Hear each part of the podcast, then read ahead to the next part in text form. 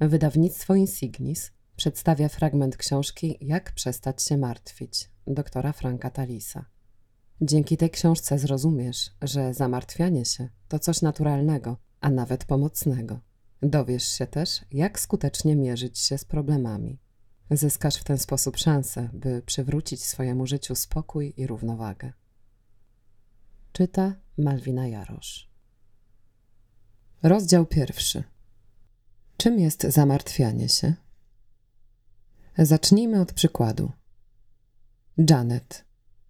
Bob powiedział Janet, że będzie w domu najpóźniej o siódmej. Za pięć siódma Janet zerknęła na zegarek, usiadła i zaczęła przeglądać czasopisma. Piętnaście po siódmej znów spojrzała na zegarek. Bob zazwyczaj był punktualny. Doszła do wniosku, że coś musiało go zatrzymać. Może pociąg się spóźnił. Janet zaczęła czytać jakiś artykuł, ale zauważyła, że trudno jej się skupić. Za każdym razem, gdy kończyła kolumnę tekstu, sprawdzała, która godzina. Gdy dotarła do końca drugiej strony, uświadomiła sobie, że choć przeczytała każde słowo, nic z tego wszystkiego nie zapamiętała. Do głowy zaczęły jej przychodzić różne myśli. Ciekawe, czemu się spóźnia. Jest już wpół do ósmej. Jeśli coś mu wypadnie, zwykle dzwoni albo pisze do mnie SMS-a. Janet odłożyła czasopismo i włączyła telewizor. Przez kilka minut nie miała problemów z koncentracją, ale gdy zobaczyła, że jest już za dwadzieścia ósma, wysłała do Boba SMS-a, a potem, ponieważ nie było odpowiedzi, zadzwoniła do niego na komórkę. Nie odebrał. Janet wstała i zaczęła chodzić po pokoju. Powróciły myśli. Gdyby wiedział, że się spóźni, zadzwoniłby albo wysłałby SMS-a. Zawsze tak robi. Dlaczego nie odebrał?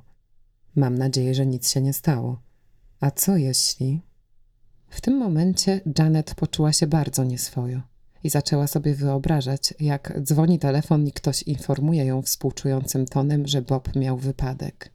O ósmej usłyszała klucz w zamku i odetchnęła z ulgą, kiedy wszedł Bob, przeklinając koleje i rozładowaną baterię w komórce. Opisana powyżej sytuacja jest fikcyjna, lecz stanowi dość typowy przykład zamartwiania się. Czym ono właściwie jest? Choć większość ludzi doświadcza zamartwiania się, ci, którzy zawodowo obserwują umysł, czyli psycholodzy i psychiatrzy, do tej pory mieli na ten temat bardzo niewiele do powiedzenia. Dopiero w ciągu ostatnich kilku lat zamartwianie się zaczęto traktować poważnie. Choć specjaliści nie uzgodnili definicji zamartwiania się, możemy spróbować opisać to zjawisko i wskazać jego typowe cechy. Przyjrzyjmy się jeszcze raz temu, co działo się z Janet, kiedy się zamartwiała. Przede wszystkim Janet nie mogła się skupić. Nieustannie przeszkadzały jej w tym myśli o Bobie. Nie jakiekolwiek, ale czarne myśli, nad którymi nie miała kontroli.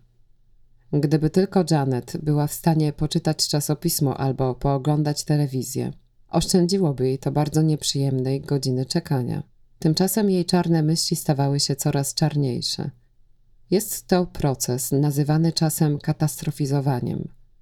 Brak kontroli nad powracającymi złymi myślami i tendencja, by myśleć, że będzie gorzej, to dwie ważne cechy zamartwiania się. Idea, że gdy się zamartwiamy, nie jesteśmy w stanie zapanować nad myślami, znajduje odzwierciedlenie w codziennym języku. Na pewno często słyszałeś, że ktoś mówi: Ciągle zamartwiam się na zapas, już tak mam. Innymi słowy, takie się urodziłem i nie mam w tej kwestii żadnego wyboru. Oczywiście, to prawda, że niektórzy ludzie zamartwiają się bardziej niż inni. Nie jest prawdą jednak, że jeśli już tak masz, to musi tak pozostać przez resztę Twojego życia. Niniejsza książka jest o tym, jak nauczyć się kontrolować zamartwianie się. Nie będę natomiast próbować Cię z tego wyleczyć, ponieważ byłoby to bardzo niemądre. Jak się wkrótce przekonasz, w niektórych sytuacjach zamartwianie się może mieć bardzo realne zalety. Fragment pochodził z książki Jak przestać się martwić doktora Franka Talisa. Czytała Malwina Jarosz.